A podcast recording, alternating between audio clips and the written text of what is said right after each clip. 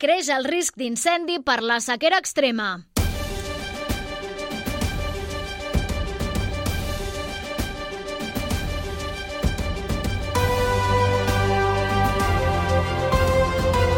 Notícies migdia. Núria Garcia. Els boscos arrosseguen un estrès hídric de fa mesos que, a més, ha augmentat durant l'hivern per l'ambient més sec que hi ha. Un còctel perfecte perquè els incendis forestals amenacin els espais naturals de Sabadell i el Vallès, tot i que només estem al febrer. De fet, el cap de setmana passat es va produir un foc a l'entorn de Rellinars, un fet poc habitual en un context normal per a aquestes dates. Així ho ha indicat el programa El Cafè de la Ràdio Jordi Gil, de l'ADF de Sabadell. No, no és habitual. Aviam, uh, habitual va ser l'any passat que vam tenir una al maig, o sigui que en comparació aquest any pues, estem més o menys igual que l'any passat, però òbviament tenir un incendi forestal on requereixi la mobilització de les ADFs doncs no és habitual en aquesta època de l'any. La falta de pluges actual també està afectant la vegetació del parc de Sant Llorenç del Munt i l'Ubac. Les espècies que més se n'estan ressentint són la pinassa i el pi roig. La sequera i un dels seus efectes és el tema del dia i probablement de l'any també, però durant el Notícies Migdia us explicarem altres temes com el nomenament de Jordi Casas, nou president del Patronat de la Fundació per la Indústria, la iniciativa Té Calçot o les protestes dels pagesos. Notícies migdia. La informació en 15 minuts.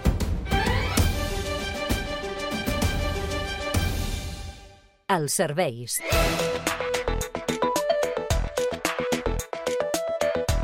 Situació del transport públic, Àlex Cubells, des del Transmet. Bona tarda. Doncs informem que ara mateix les línies R2, R2 Nord i R11 de Rodalies, a causa d'una avaria a les instal·lacions de Llinars del Vallès, els trens s'han vist afectats i circulen fora del seu horari habitual. També ja s'ha reprès la circulació a la línia R3, després d'estar aturada entre les 5 del matí i les 7 entre les estacions de Montcada, Bifurcació i Parets del Vallès per un atropellament a Mollet Santa Rosa. S'espera una recuperació progressiva dels horaris de pas al llarg del dia. I pel que fa al trànsit rodat, a hores d'ara s'estan produint afectacions als serveis d'autobusos de Barcelona i als busos interurbans que entren tant per la Diagonal com per la Meridiana, on, degut a una manifestació, s'estan produint endarreriments significatius al servei. I precisament amb motiu de la vaga general convocada per avui, poden derivar-se afectacions al servei habitual del transport públic urbà i interurbà, afectant les freqüències i els horaris de pas habituals. I de moment això és tot des del Transmet. Us seguirem informant de qualsevol novetat. Bon dia! I avui tornem a estar molt pendents d'aquest segon dia de protestes dels pagesos catalans, eh, que ara mateix eh, provoca també aquestes mobilitzacions, afectacions per aquestes marxes lentes que es dirigeixen cap a Barcelona. Hi ha afectacions concretament a l'autovia A2 entre el Bruc i Castellbisbal, a l'AP7 entre Gelida i el Papiol i a la B23 entre el Papiol i Molins de Rei. A l'AP7 també hi ha problemes a la, entre la Roca i Parets del Vallès i la C58 també es veu afectada a aquesta hora per aquestes marxes lentes, Concretament, hi ha intensitat entre Badia i el Nus de la Trinitat. També hi ha afectacions de trànsit a la C-17 entre Lliçà i Mollet i a la C-33 a Montcada i Reixac. I d'altra banda, un accident a la P7 a Mollet del Vallès en sentit Girona també complica la situació a aquesta hora, talla dos carrils i provoca de moment 3 quilòmetres de retencions. La notícia del dia.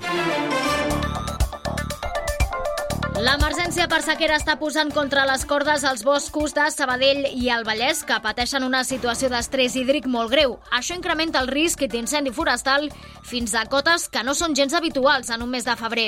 Jordi Gil, membre de l'ADF de Sabadell, ha parlat clar al Cafè de la Ràdio. Doncs molt fotuts. Ja estàvem fotuts l'any passat i tenint la, en compte les dades, en, des del juliol que estem per sota del que hauria de ploure normalment. Així que fotuts.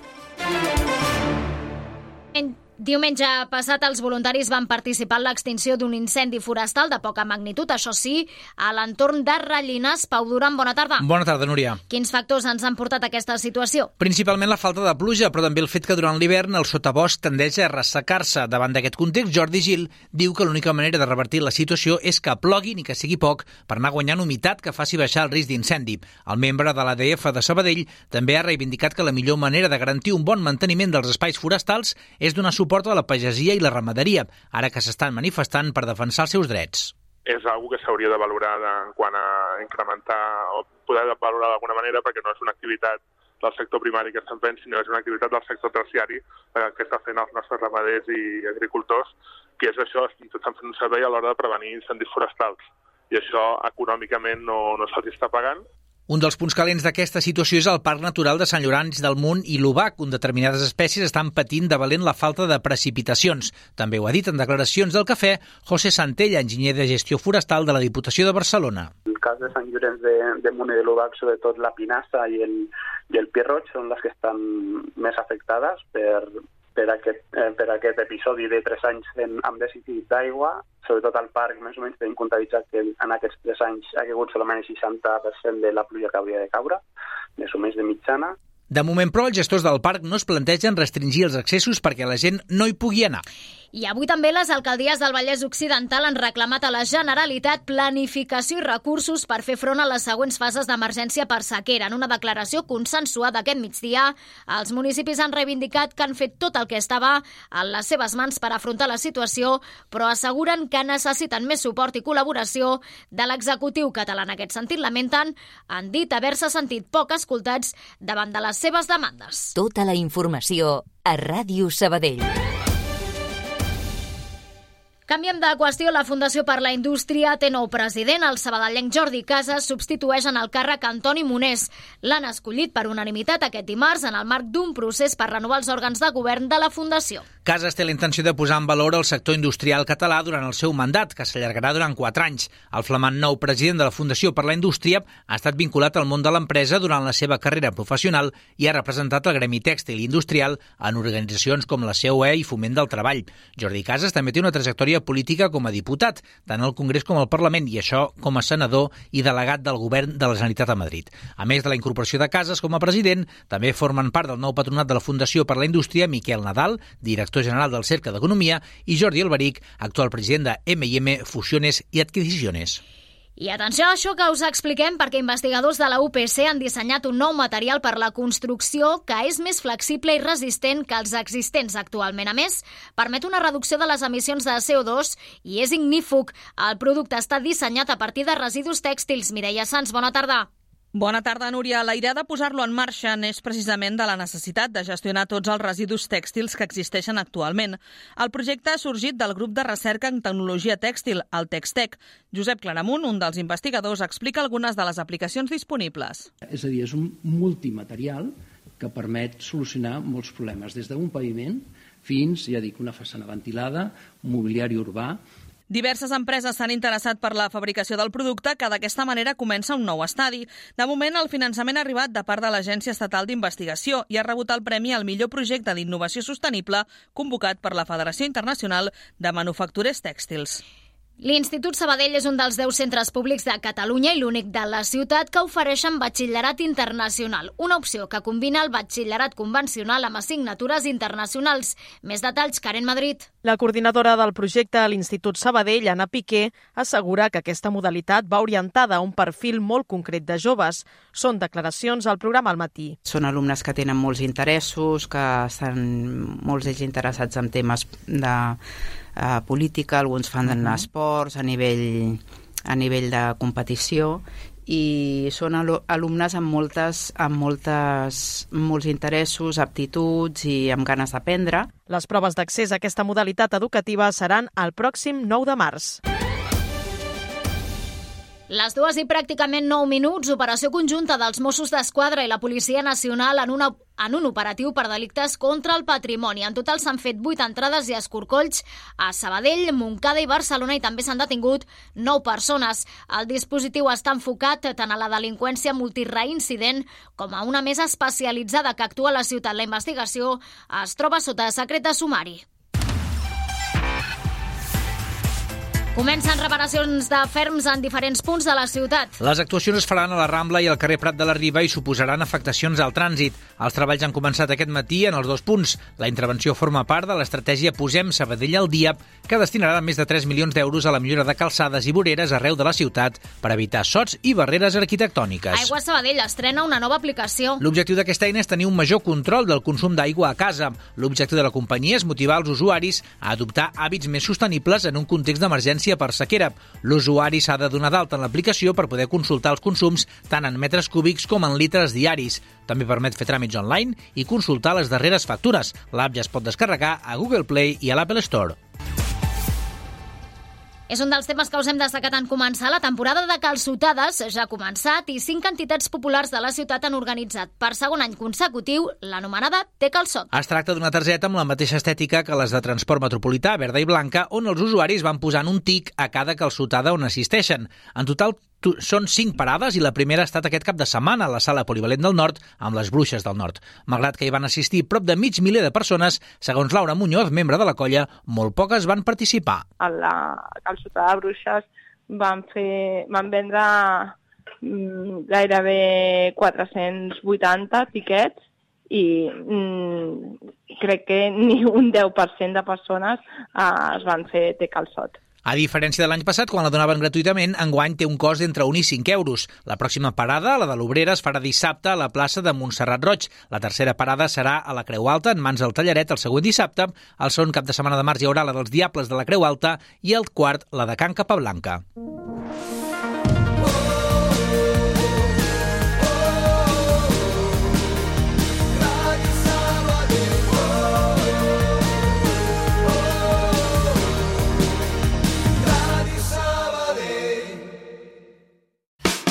Del 8 al 14 de febrer, setmana del Carnaval al Mercat Central de Sabadell, amb sorteig diaris de vals de compra de 50 euros. El dia 10, concurs infantil de disfresses de 3 a 13 anys, amb premis valorats en 200 euros. Millor disfressa, millors complements i millor maquillatge. A més, tots els participants del concurs infantil rebran un obsequi. Vine al Mercat Central. Som Sabadell. Inscripció i bases al punt d'informació o a mercatcentralsabadell.com. Ràdio Sabadell. Notícies. Les primeres marxes de tractors cap a Barcelona ja són a l'àrea metropolitana. Tractors i pagesos que els acompanyen en cotxe provinents de la Catalunya central s'han unit a la columna de pagesos del Vallès a Mollet i ja entren plegats cap a Barcelona, seguint la C33 i comencen a enfilar, Pau, la Meridiana. Sí, per la mateixa via també es preveu l'entrada de la columna gironina. Les marxes de Ponent i Tarragona, el Penedès i l'Ebre passaran per l'A2 per entrar per la Diagonal, on tenen prevista per cap. El sector portarà les seves reivindicacions al cor de Barcelona i preveu reunir-se amb el president Pere Aragonès i el conseller d'Acció Climàtica, David Mascort. Josep Moreno, d'Unió de Pagesos, diu al programa El Cafè que una de les reclamacions és l'aposta per la sobirania alimentària. Promoure i prioritzar la sobirania alimentària del nostre país. És que no sabem d'on vindran, ni el que menjarem. I a part de, de, de, de tot el que s'està creant de, de, de paro i de, falta, i de falta de treball, perquè tot ve de fora. També reclamen reduir la paperassa, tenir uns preus justos, dignitat, revertir l'agenda 2030 o reduir l'impost al gasoil, entre d'altres. Investigació oberta per esclarir les causes de l'esfondrament mortal de Badalona. Els bombers han trobat aquesta matinada entre la runa tres cadàvers. Tot i que encara s'han d'identificar, es creu que són els tres veïns empadronats a l'immoble que no s'havien pogut localitzar després del sinistre. Una dona i un home d'entre 30 i 40 anys i una dona de més de 50. L'alcalde de Badalona, Xavier García Albiol, ha dit que l'edifici esfondrat no tenia cap expedient obert per mal estat i que, segons els veïns, havia passat una inspecció tècnica el mes passat. Recte final del judici contra Dani Alves per la presumpta violació d'una jove a la discoteca Saturn de Barcelona. Avui declaren els forenses, la policia científica i els quatre pèrits de la defensa. També es presentaran els informes mèdics i psicològics de la víctima.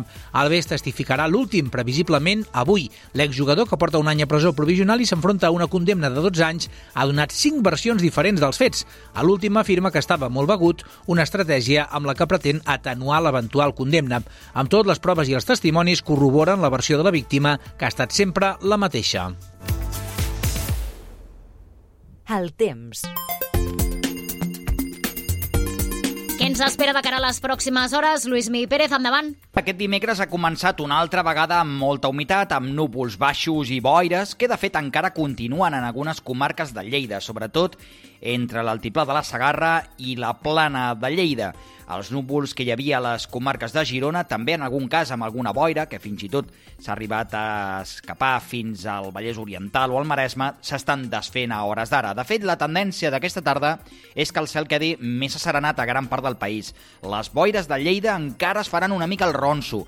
S'acabaran aixecant, però no es desfaran del tot els núvols, allà amb un ambient una mica més fresquet. I a la resta del país, més clarianes que no pas una altra cosa, només amb núvols prims i amb una temperatura que tornarà a ser de primavera. S'acabarà enfilant enfilant molt, especialment a les comarques de l'Ebre i del prelitoral barceloní, per sobre dels 20 graus de màxima. Demà, un temps més aviat tranquil, amb més vent de Garbí a Girona, i això farà que l'ambient sigui molt suau una altra vegada. Us seguirem a la xarxa. Un quart de tres, marxem. Fins aquí el Notícies Migdia que hem fet amb la Rocío García a les vies de so. Recordeu que podeu continuar informats al portal de continguts de l'emissora, també a les xarxes socials i a través del canal de WhatsApp. Que vagi bé, adeu. Allà on siguis, escolta'ns online. En directe.radiosabadell.fm